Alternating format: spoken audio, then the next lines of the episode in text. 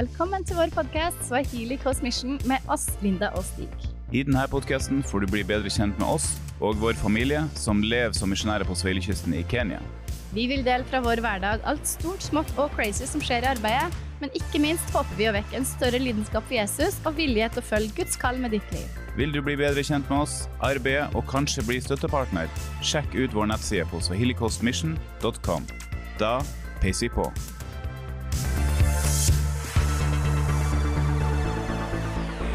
Yes, hallo Stig Ove. Hallo, Linda. Da var vi tilbake i podkaststudioet i dag, jeg og du.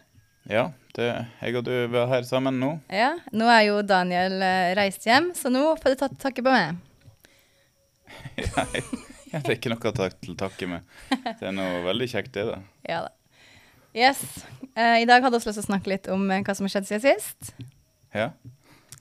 Har du lyst til å begynne? Hva du har lyst til å fortelle, fortelle i dag? Ja, vi kan jo begynne med å fortelle at uh, Sæbjørnsen har funnet hjem, og vi savner dem masse. Mm. Men uh, vi skal klare å fortsette arbeidet, selv om de har funnet hjem, da. Men uh, vi har blitt veldig glad i dem over den, eh, de åtte-ni ukene de var sammen med oss. Ja, det har vært kjempefint.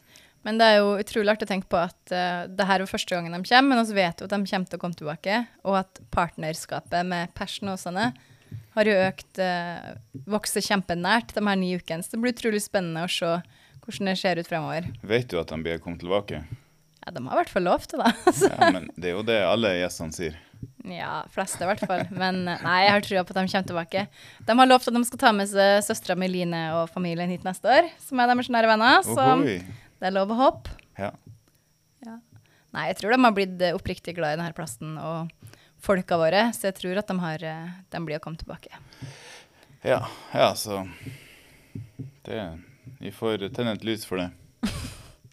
Ja, noe sånt. OK, men eh, bortsett fra at du savner bestisen din, Daniel, hva Ja. ellers skjer? Jeg var på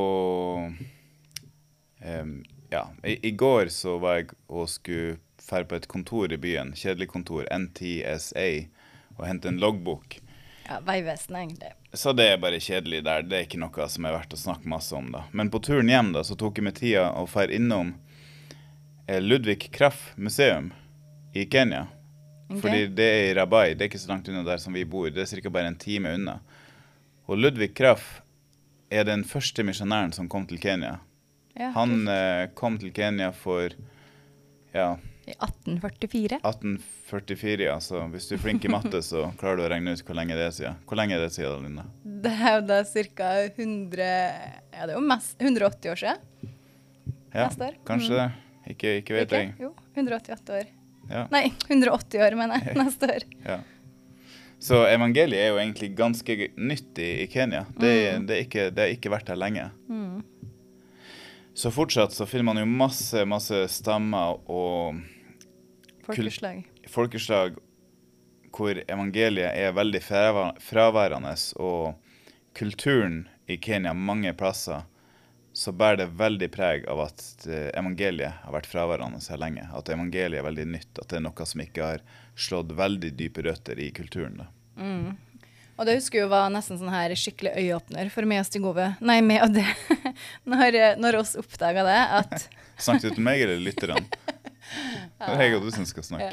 Nei, men det var en skikkelig øyeåpner for oss når oss innså hvor nytt evangeliet er i Kenya. For at det hjalp oss å forstå eh, litt mer hvor på en måte primitiv kulturen er, eller hvorfor den er så primitiv. Og det hjalp oss med å forstå at måten oss tenker på, og måten oss resonnerer om ting, er Um, utrolig forankra i den kristne kulturarven også her i Norge. Ja. Det er liksom ikke bare det at alle mennesker er sånn, men nordmenn og kanskje europeere vi har ut, altså Utrolig mange av de verdiene og verdisystemet vi har, er pga. den kristne kulturarven.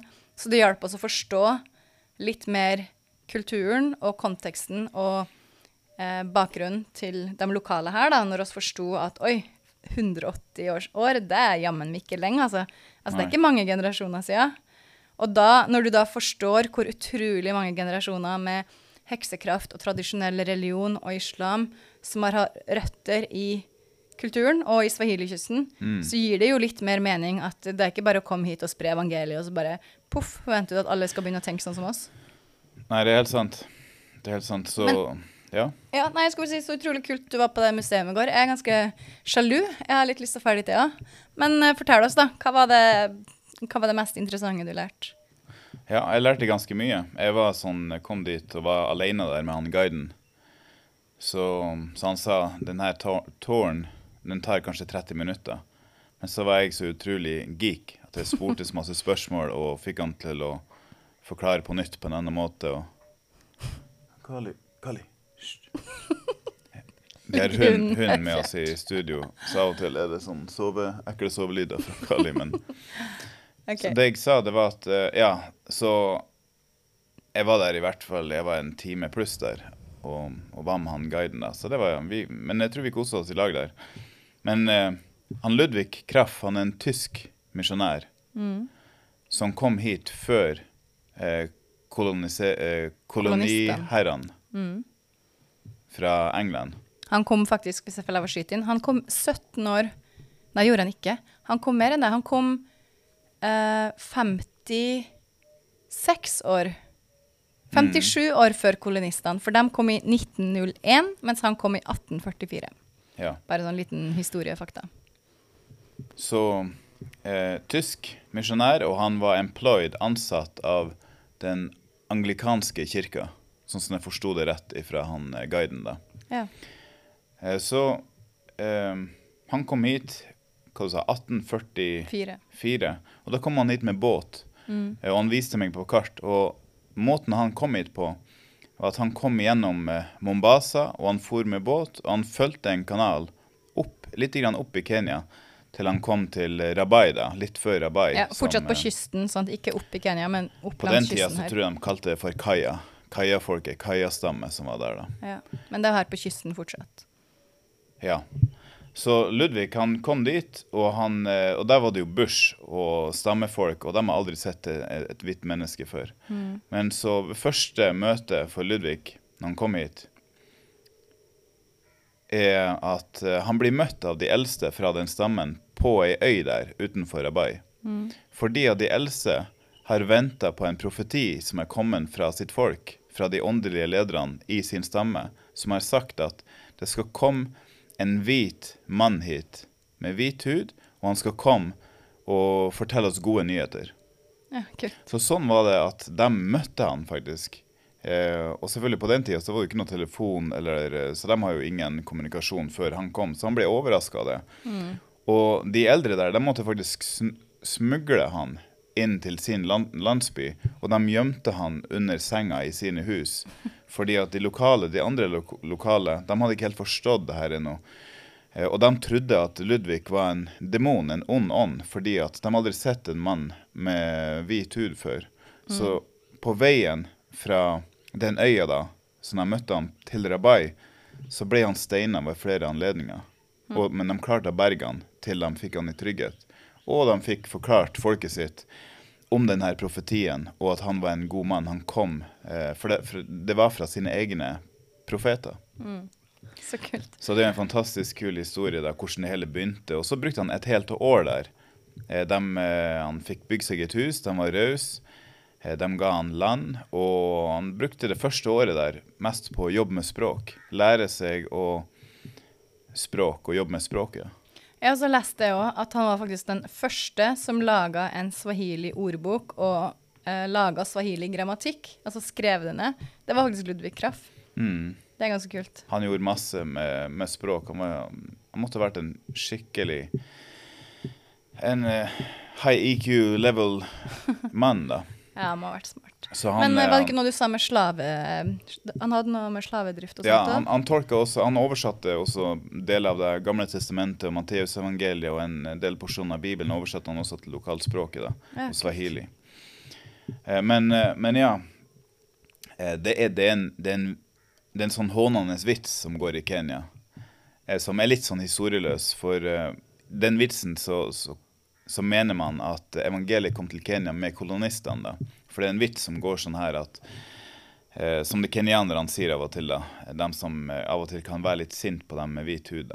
Så de sier at eh, de hvite kom til Kenya, eh, de lært, lærte oss religion, eh, og de lærte oss å, be. Og da når de lærte oss å be, så lærte de at vi skulle folde hendene og lukke øynene våre. Og da når vi åpna øynene våre etterpå, så hadde de tatt landet vårt. Og bundet, og bundet hendene Ja, og bunne hendene våre. Så det er den vitsen, da. Men den er faktisk ikke helt korrekt. For det var ikke sånn evangeliet kom, og sånn de kristne kom til Kenya.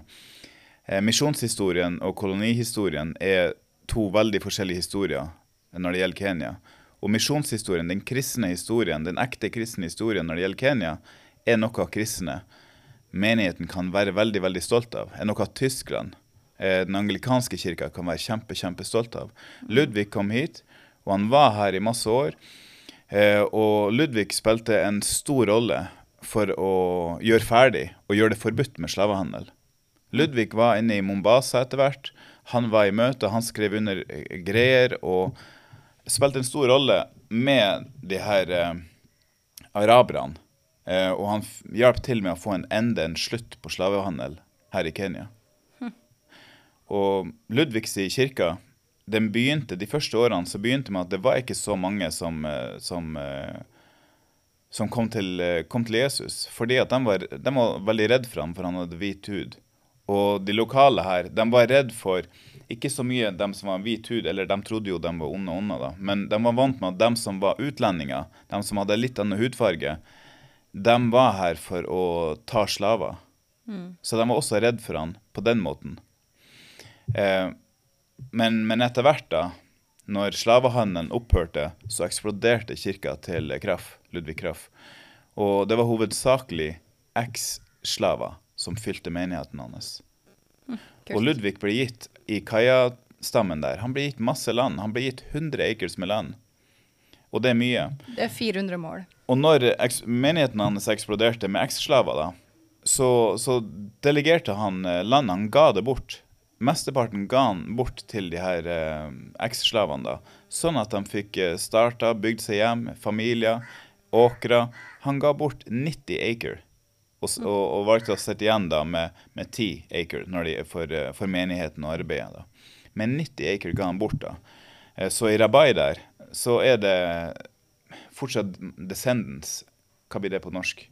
Um, etterkommere. Etterkommere av eh, de slavene. da. Så, og dem, eh, de slavene som ble released, da, det var folk som kommer fra forskjellige plasser rundt omkring i Afrika. Så der i Rabai så er det folk fra veldig mange forskjellige raser. Mange forskjellige geografiske plasser som ser litt forskjellige ut. Det er en ganske stort mangfold av uh, afrikanere der i Rabai pga. at det blir en sånn skikkelig menighet for uh, eks-slavene. Så ellers så gjorde han Ludvig han gjorde masse. Han bygde sykehus, han bygde skoler. Han jobba med språk, han hjalp folk. Han gjorde masse for de eks-slavene og, og hjalp dem tilbake i liv og familie, og han underviste ordet. Eh, og han er en skikkelig troshelt. Han er også en trist historie. Han eh, måtte begrave kona si på misjonsfelten. og Jeg var det ikke til og med tre koner. Han hadde tre koner, men det var ikke fordi at de hadde ekteskapsproblemer på den måten, men de døde. De konene døde, da. Det var, det var, også de misjonærene som kom etter Ludvig Krafta, de døde ofte ung fordi at eh, malaria var hard. Malaria hadde, det var en type malaria som var mye mer dødelig da, og vi hadde ikke de måtene å behandle det på heller, men tropiske sykdommer og sånt. da. Jeg ser her, for jeg bare googla det litt, og der ser du at kona og hans nyfødte baby døde faktisk bare kort tid etter at de kom til Kenya. Ja. Han mista familien. Han måtte begrave fam En av de første tingene eh, første han måtte gjøre, var å begrave familien sin her. Tenk det. Jeg, ikke, jeg vil ikke tenke på det, men det Men, det men det, noe som var litt interessant her, da, var at det står at, eh, at uh, i begynnelsen så var misjonsarbeidet hans lite fruktbart i eh, sånn med, med hva for noe, converts. Um, at det var to stykk som ble frelst de første ti årene, Ja. står det her. Før det endelig på en måte begynte å blomstre og gi litt mer. Men tenk da, hvor utrolig tålmodig og trofast han var i kallet sitt. Ja. En ting å liksom bare reise med båt helt fra Tyskland, kom hit, opplev at du mister kona og babyen din eh, innenfor bare kort, kort tid. Bli for deg sjøl, oppleve all den her forkastelsen og forfølgelsen og alt det her. Eh, og bare leve der blant et lokalfolk. Og ja, vi kan bare tenke oss hvor forskjellig det så ut fra Tyskland. Ja. Eh, så det er jo skikkelig kulturkrasj, alt mulig. Og ensomhet, lære seg språk. Ingen som kunne engelsk, selvfølgelig, så kommunikasjon var vanskelig. Og bare alle de utfordringene han gikk gjennom. Det er utrolig, utrolig imponerende hva han utretta. Ja, kjempeimponerende. Unnskyld. Det er det. Så um, Så den første kirka Ludvig eh, bygde, da, det var bare en liten menighet, for det var nesten ingen i kirka hans den første tida der. Mm. Så det var etter at uh, slavehandelen ble gjort ferdig, da, at det eksploderte. Da måtte de bygge en ny kirke 50 meter bakom den første kirka. Så i dag er den første kirka som Ludvig bygde, da, den litt mindre, den er gjort om til et museum. Så det var der jeg var ja. i går, da. Så jeg var, så på begge kirkene, og så gikk opp på, det, på den scenen, eller det var ikke mye rare scener, da. Men jeg så på Hva gikk i der på scenen der hvor Ludvig brukte å stå og preke ordet, da. Skulle ønske at det fantes noe Det var mulig å se Det har vært interessant å se hva det var Ludvig prekte, hva han underviste. Hva, hva er det han velger å fokusere på når han skal nå et unådd folk? Ja. Det syns jeg er spennende. Men vi har jo faktisk en stor biografi av han. Har du lest ja. den boka, eller? Jeg har lest uh, noen av de bøkene. Vi har flere av de bøkene. Jeg har lest gjennom uh, i hvert fall én da, og en del av de andre. Men jeg har ikke kommet over noen av prekenene hans. Ja. Nei, det har vært skikkelig interessant å, å prøve å finne og lese om. Fordi uh, Ja, det har vært skikkelig interessant å finne ut. Mm.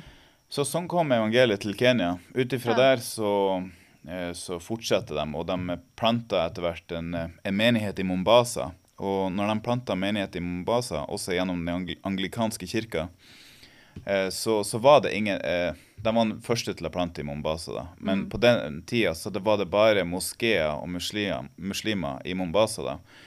Og de fikk ikke lov å plante kirke i Mombasa. Så det de gjorde da, var at de kristne, de, eh, den anglikanske kirka, de bygde kirka si, men ikke som ei kirke. De bygde den som en moské. Mm. Og så hadde de eh, gudstjeneste og møter inni der. Så til og med til den, denne dag, dagen i dag så er den gamle anglikanske kirka i Mombasa den ser helt ut som en moské. Men nå i dag så har de satt et kors opp på toppen på den kuppelen. Fordi at nå er det lov å ha menighet der. Men på den tida så, så var det ikke lov. Så da bygde de og og, og det var det flere, flere ganger hvor de planta menighet på den måten. Også metodistene som kom etter eh, den angelikanske kirka. De bygde også eh, menighetene sine i formen av moskeer. Og så, og så, brukte de dem som kirke. Tenk Det er ganske modig gjort. da. For Hvis de hadde blitt oppdaga på det, så har de jo garantert blitt drept. ja, så det er skikkelig bravery, da. Kanskje det er et godt tips for oss når vi etter hvert skal bevege oss nordover langs Swahili-kysten. Bygg moskeer. Kanskje ja. når vi skal gå inn i Somalia at vi er nødt til å gjøre det. Ja, eller Lame, eller ja. Mm. Kjempelurt. ja, vi får se. Ja, vi har mye store planer. Nei, men eh, det er utrolig, utrolig spennende. Er, ja. Vi elsker jo å lære om troshelter, gamle misjonærer, og prøve å lære av uh, historien som har vært. Ja, ja, så. Så jeg har kjempelyst til å dra på det um, museet. Det har vært artig å se. Dit må vi dra tilbake. Mm. Hvis, neste gang vi skal ha bibelskole, så legger vi det som en del av pensumet. At vi har en sånn dag hvor vi drar dit og ja, ja, er med på en litt sånn forlenga tour med han guiden. Da. Mm. Ja, men kult. Eh, ja, så bortsett fra Ludvig Kraft-museet og at vi har lært litt misjonærhistorie, ja. hva, hva ellers er nytt? Ja, det, det, det, er ikke så lenge siden det var Var det farsdag? Det var farsdag i Norge for ikke så lenge siden, men var ja. det farsdag også i Kenya? Nei, eller? det var bare i norsk. Okay. Så du bare fikk eh, bløtkake på Du er heldig, du får farsdag to ganger i året. Ja. ja. ja. Tusen takk for bløtkaka. Ja, vær så god. Den var kjempegod. Men eh, med tanke på farsdag så hadde vi, vi vi, kan også nevne det, bare for å nevne litt sånn siste nytt, at, at eh, vi hadde en sånn liten kulturkrasj, minikulturkrasj med fedren i menigheten vår. Mm. Ikke sånn dramatisk eller at det ble noe sinne eller noe sånt, da. Men, men i menigheten vår så har vi bibelgrupper. Mm. Og vi har bibelgrupper for damene, for uh, jentene, for guttene, for mennene. Uh, så uh, så er det sånn at vi, vi, strukturerer vi har organisert menigheten vår sånn at vi har, vi har fem ansvarsområder som må tas hånd om, må dekkes før en søndagsgudstjeneste. Og så har vi delt dem ut til de forskjellige bibelgruppene. Så er det bibelgruppelederne som må se at det skjer. Så et ansvarsområde, f.eks., det er å sørge for at det er fint der på kirkegården. Ikke kirkegården, men For vi har ikke hus, så hva skal jeg kalle det for? Ja, det er jo egentlig bare på Det er ikke en kirkegård, men det er kirkecompound. Kirkelandet vårt, da. Ja. Men, Gress, så, eller- ja, ja, mm. Så én gruppe har ansvar om at uh, ett område er at det skal se rent og fint ut der, og at stolene skal settes ut og ryddes inn etter gudstjenesten. Et annet område er å vaske toalettene før og etter gudstjenesten. Et annet område er å være møteverter. Et annet område er å være det med å lage te og ta oppvasken for det etterpå. Og så har vi et område til. Ja, det, det å lede morgenbønnemøtet én time før gudstjenesten. Og den, som leder, den gruppa som leder morgenbønnemøtet, er også den gruppa hvor, eh, som, leder, som er møteledere. Så det er de fem ansvarsområdene. Ja, så Eh, og rullerer vi på. Og så rullerer vi dem, da. Eh, Sånn at vi bytter fra uke til uke, da. Mm. Og så kom eh, han lederen for mannebibelgruppa da, og spurte om de kunne få fritak fra det med te og det med å møteverter. Og så prøvde jeg å forstå Jeg, jeg, jeg følte kanskje tidlig at eh, hva, er det, hva er det her for noe kulturtull nå, da? Men, eh, men han forklarte litt og spurte om det var greit at de kunne få fritak, fordi at de er wasé, Eldre. eldre, eh, så er det ikke vanlig at eh, Altså, det er upassende det fra eldre, da, at de skal bli sett på noen som kommer i møte med folk og vel, ønsker noen velkommen til møtet og smil og vise dem hvor de skal sitte og på en måte være tjenere på den måten. Eh, og i tillegg at de skal bli sett som serverer te og gjør oppvasken. Så det er sånn utenkelige ting for en oasé her i, her i kulturen, da. For det her så vi, vi lærer jo fra Bibelen, vi lærer jo fra Jesus, det med verdien for tjenende lederskap. Og selv, selv om Jesus var den som var leder, så var han den som tjente mer enn alle andre. Eh, mens her i kulturen så er det sånn at hvis man er leder, så vil man bli tjent. Man vil ikke tjene. Man er for god til å tjene, så man vil bare bli tjent. Mens med Jesus da, så er det sånn at hvis du ikke kan tjene, så kan du heller ikke lede. Så, så det jeg sa først til han eh, lederen da, det er at eh, hvis, du, hvis dere vil ha spesiell behandling, særbehandling, så kan jeg gjøre dere den tjenesten at dere kan få fritak alt. Dere trenger ikke å tenke på Vi kan, vi kan dekke det de andre bibelgruppene, så trenger dere ikke å gjøre noen ting. Så kan vi tjene dere. Eh, så kan dere bli tjent på den måten, da, hvis det, hvis det er det dere ønsker. Eh, så, så han ville ikke det, da. Han syntes at det hørtes eh, rart ut, da. Men i hvert fall så satte jeg meg ned med den bibelgruppa, de eldre, de fedrene i menigheten, da, så forklarte jeg dem at La ut for dem et mini-bibelstudie på lederskapet i Det nye testamentet, og hvordan eh, Jesus sier at det er forskjell på denne verdens ledere og de lederne som er i menigheten. At eh, vi er ment å være tjenende ledere. Eh, og så prøvde jeg også å forklare dem at hvor, hvor sterkt kunne det ikke vært i et samfunn hvor vi er omringa av ødelagte familier. Foreldre... Eh, fatherlessness. Fareløshet. Farløshet, ja. Vi omringer av det. Nesten alle guttene og jentene som går i menigheten vår, har ikke fedre. Og de som har fedre, de er kanskje alkoholikere, de er borte så mye at de omtrent aldri ser dem. da. Men hva hvis vi kan være en menighet her i, i samfunnet hvor menighetens medlemmene våre blir møtt av fedre som blir glad for å se folket, som smiler når de kommer, som tar dem i handa, og som viser dem, og blir sånn tjenende ledere? Hva hvis de sterkeste i folket, fedrene, de med mest innflytelse, den sterkeste, ja, de sterkeste folket, blir de laveste, som plutselig i menigheten vår er dem som vasker kopper og ønsker folk velkommen og blir glad for å se folk. Hvor mye helbredelse er det ikke det? Vi snakka også litt om den lignelsen om den fortapte sønn, når uh, han kom, kommer hjem, da. Og så blir han møtt uh, av sin far på veien mens som kommer hjem. Og han blir omfavna av sin far. Sånn vil jeg at vi skal være møteverter. At vi skal ta den eh, rollen som fedre. At vi skal være møteverter. Nesten sånn som den historien om eh, når eh, en fortapte sønn, når far kommer og omfavner sin sønn. Mm. Ja, utrolig kult. Så vi snakka mye om det. Så det som ble til litt sånn uff og nei, og vi er jo de eldre nå er det ikke måte på hvor mye glede de kan uh, tjene med det. For nå forstår de hvorfor. Så, men det var jeg også litt spent på. Jeg er veldig glad for at de tok det på en ydmyk og god måte. For, jeg, for det er jo alltid risken hvis jeg skal komme dit og, og si at det dere sier og mener er feil. Da kan det lett bli fornærmelse, og at man setter seg opp mot hverandre.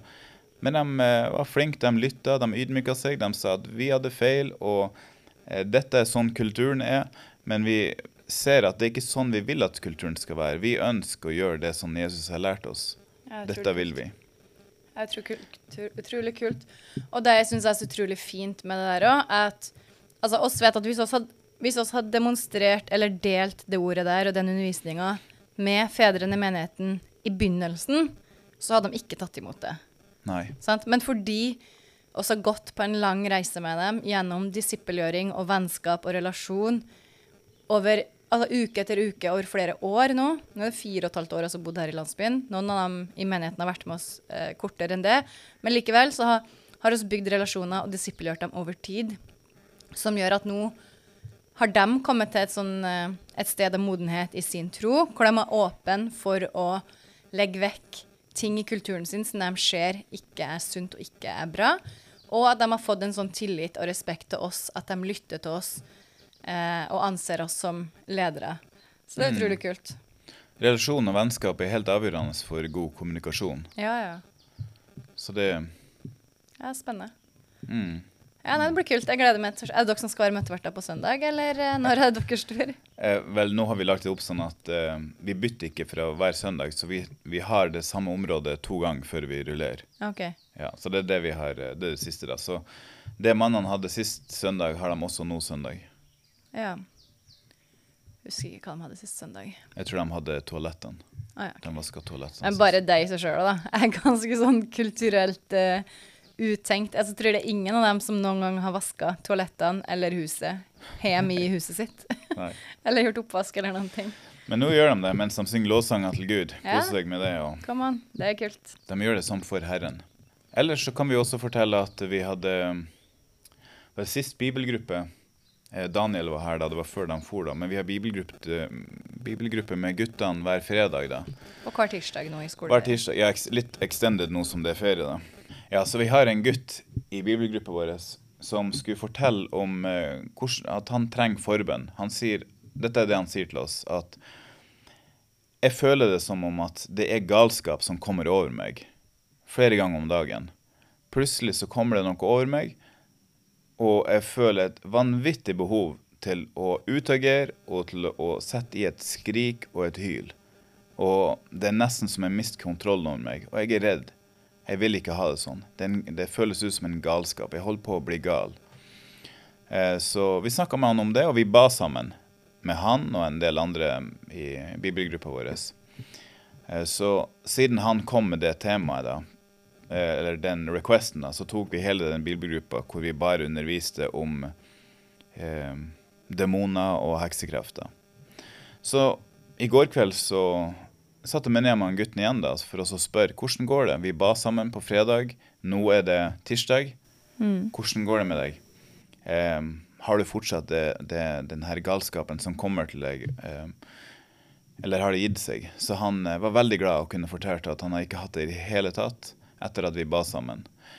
Eh, og da hadde jeg muligheten til å snakke litt mer med han, for vi satt bare i lag privat da, så da kunne jeg ta samtalen litt dypere. Og da er det jo det som det ofte er, at vi er jo i en kultur hvor det er ekstremt mye overtro og heksekraft.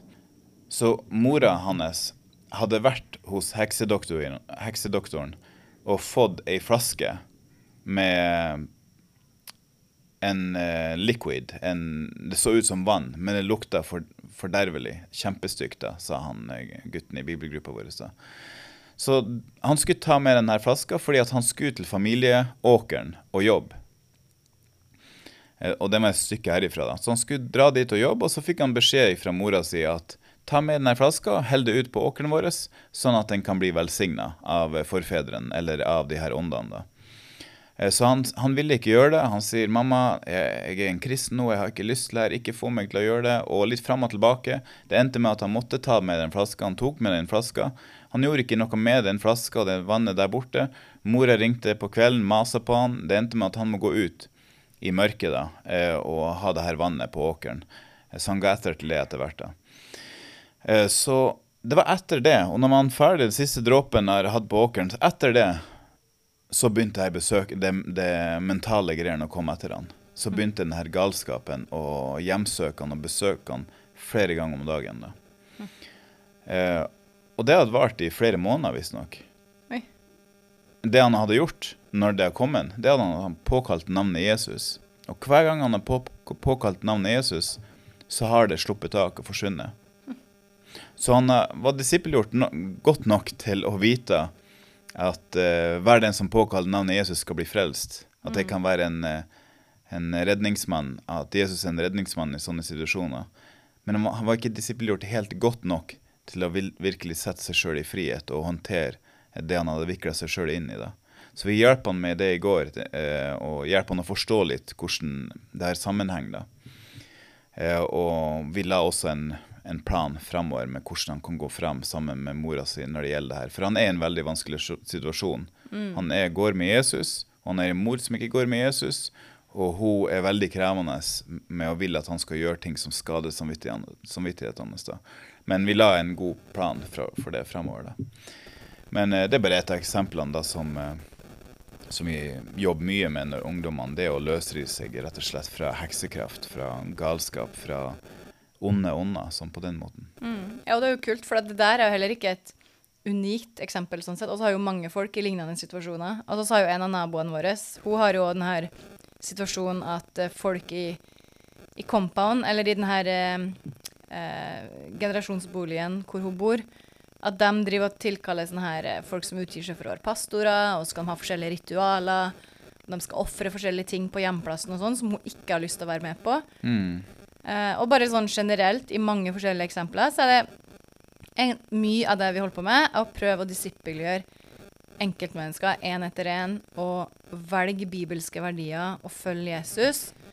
Og det kan være skikkelig skikkelig vanskelig for folk når de på en måte er omgitt og vokser opp i en familie som har sin kultur, sine verdier, uh, sin, sin tro, og så skal du på en måte som én tørre å reise deg opp og si bare Nei, jeg har ikke lyst å ofre til avgudene eller til forfedrene lenger. Jeg har ikke lyst til å være med på å gi blodsoffer til sånn og sånn og sånn. Og bare det å velge å være annerledes, det er skikkelig, skikkelig vanskelig. Ja, ja. Mange ganger så leder det direkte til forfølgelse. Mm. Så det, det, er ikke noe enkel sak, da. Ja, og vi har jo mange som har blitt både ja, forkasta familie, eller i hvert fall ødelagt familiebånd. Men det er jo det som er så fint med at det er ikke sånn at vi kommer hit, gir dem undervisning, sier gjør sånn og sånn, og så forsvinner vi. Mm. Men oss bor jo her, lever sammen med dem. Er som en familie for dem, hvor de kan finne trygghet og trøst og veiledning. Eh, og, og, hjelpe dem gjennom hvordan det ser ut praktisk. da. Ja. Det syns jeg er utrolig kult. Da ser du, da går det faktisk an. Helt sant, Linda. Så ellers, Linda, så skal vi snart til Tanzania. Ja. Så har du gjort noen forberedelser på det? og ja, det blir spennende. Jeg har akkurat i dag gjort ferdig et uh, tisiders dokument om en presentasjon av arbeidet vårt. Med både liksom hva er våre hovedverdier, eh, hvordan jobber vi, hva er våre achievements, altså utrettelser til nå, og hva er vår plan framover. Bare litt sånn Altså ti sider dekker jo ikke halvparten av hva vi har gjort på de siste sju årene, men det, det gir i hvert fall en sånn overblikk da, over hva, hvem er seg, hva er agendaen ja. vår og litt sånne ting, som man skal ta med på en konferanse i Tanzania. Um, så der har vi blitt invitert på en sånn Det heter Swahili Coast-konferanse, faktisk. Uh, som er en konferanse for alle som driver misjonsarbeid uh, og evangelisk arbeid på Swahili-kysten. Så det er utrolig kult. For at, altså jo, jeg visste jo ikke om at det var noe som het Swahili-kysten engang, før vi flytta hit for sju år siden. Uh, og så nå er det liksom en nettverkskonferanse for alle som jobber på Swahili-kysten. Så det betyr jo at vi er flere. Så det, det blir utrolig kult å, å, møte andre folk i samme båt. Jeg visste ikke det var andre misjonærer som jobba langs Hvilekysten, men det blir jo artig å møte dem, da. Mm. Ja, det blir kjempeartig. Og her er det jo folk både fra Tanzania, Mosambik, eh, kanskje til og med folk som jobber i Somalia, jeg vet ikke, for det blir jo ikke offentliggjort, selvfølgelig. Men, men det er jo det som er Swahili-kysten. Eh, Sør i Somalia, gjennom Kenya, Tanzania og nord i Mosambik. Og i hvert fall det jeg har lest om de forskjellige som, eh, som skal dit hittil, så virker det som at mye av, eller brorparten av um, dem som skal dit, og dem som driver arbeid, er i Tanzania, da. Det virker som det er mye menigheter og sånne ting der. Men, uh, men det blir spennende å se vi får noen nye, nye venner. Ja. Kanskje jeg får en ny bestevenn der. ja. Nei, jeg må ikke bli helt bestis, da blir Daniel sjøl. Men, men jeg tror at det går an til å ha mange bestevenner. Ja, kanskje. Jo da. Jeg tror det, det går an til ja. Tror det? Ja. Ja, nei, men det blir kjempefint. Um, oss har jo lyst til å Jeg har mange bestevenner. Så fint for Alle jeg møter, blir min bestevenn. Nei, det er ikke sant. Nei, det kanskje litt, jeg tok det litt for langt. Ja, jeg tok det litt for langt. Nei, men også har jeg lyst til å utvide nettverket vårt uh, og bevege oss lenger nordover etter hvert. Så det, nei, det blir spennende. Så det er om to uker. Så vi har fortsatt en del arbeid å gjøre før vi skal dit. Du skal bl.a. lage en presentasjonsfilm, skal du ikke det? Ja. Og litt sånn forskjellig.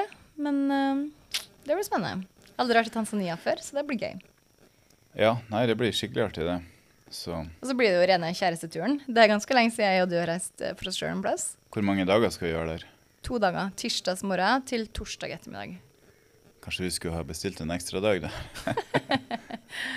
ja, nei, jeg tror ikke vi har tid til det. Nei, kanskje ikke. Men uh, det blir veldig kjekt, da. Om så bare for min og din, meg og deg, da, sin del. mm. Ja, det blir veldig fint.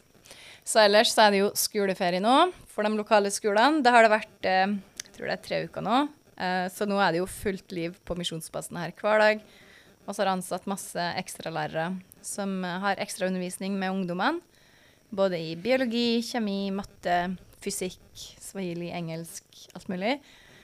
Eh, og det, det syns jeg er utrolig artig og oppmuntrende å se, for det fungerer kjempebra. Og så er det ca. 20 videregående elever som kommer hver dag og får utrolig mye spesifikk og hjelpsom undervisning, hvor de lærerne som har kommet hit, de har liksom fokusert mye på eh, sjølstudie. Lære dem å studere på egen hånd. Lære dem å sette mål for eh, studiet sitt. Eh, og strukturere eh, egen lesetida si, eller egen studietid og sånne ting. da. Og i tillegg til å liksom identifisere spesielle problemområder de har i, um, i uh, hva det for noe, i studiene sine. Og liksom ja, hjelpe dem å spesifikt bli bedre på dem. Så det, det fungerer kjempebra. Ungdommene sier de har lært mer på bare et par dager av det her enn de har gjort på hele skoleåret. På skolen, ja. ja. ja.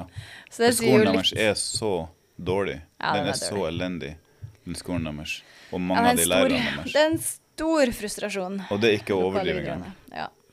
Bare, bare, for å understreke at det ikke er overdrev to av de lærerne som er på nærmeste skolen her hos ungdommene våre, de er alkoholikere som kommer på skolen full omtrent hver dag. Mm. Men de kan ikke gi dem sparken fordi at det er en government school. Så der er det ikke rektor eller de lokale. Det, så det er en sånn rar beskyttelse ja, rundt de tullingene ja. som er klart å komme seg inn dit på en eller annen måte. Mm. Ja, og så driver de da og liksom miss, jeg skulle si mishandle, men de er i hvert fall utrolig frekk og stygg og misbruker makta si utrolig masse. Ja. Altså, vi har jo flere ganger hatt våre egne gutter som blitt sendt hjem pga. at uh, skoleuniformen er fem centimeter for kort, påstår de. Ja, i buksebeinet der. Ja, buksebeinet. Og det har liksom bare vært så utrolig mye bisarre hendelser hvor jeg og du har måttet dukke opp på skolen og bare gått guttene våre i forsvar. Eh, fordi de er Nei, det, det er utrolig dårlig eh, skolesystemet her. Så det blir spennende å se i fremtida. Nå har vi jo utrolig mye ungdommer og fremtidige ledere, forhåpentligvis, som vi reiser opp. Og jeg gleder meg til at eh, kanskje etter hvert, om en generasjon eller noe sånt, at vi har en helt ny videregående skole og barneskole her i landsbyen vår. Kanskje vi egen. Skal bygge en skole sjøl og ansette ja. lærere sjøl. Ja, men problemet er jo å finne gode lærere, så vi må nesten oppdra og utdanne egne lærere først. Ja. Men det er i hvert fall lettere å finne gode lærere hvis, har, hvis skolen er vår. Sant. Og vi kan ansette dem som vi vil. Ja, at vi har frihet til å ansette og sparke som vi vil. Ja. Men uh, Oda Habo hun har jo lyst til å bli lærer si, og starte skole her i landsbyen når hun blir stor. Hos det? Ja. Men det er jo litt lenge å vente på henne, da. Skulle gjerne ha en skole for det. Men det er litt kult. Det sier hun faktisk. Hun sier at når hun blir stor, så har hun lyst til å bli mamma og lærer. Og har lyst til å bygge skole her i landsbyen vår. Okay. Så det er litt kult. Ja, veldig. så vi får se hva som skjer. Takk for at du ble med oss på hele episoden, og vi håper du blir inspirert til å følge Jesus der hvor du er i din hverdag. Har du spørsmål du vil vi skal svare på i neste episode? Send dem til oss på sosiale medier, og vi lov å svare. Nok en gang, sjekk ut vår nettside swahilicosmission.com for å bli bedre kjent eller støtte arbeidet. Vi snakkes!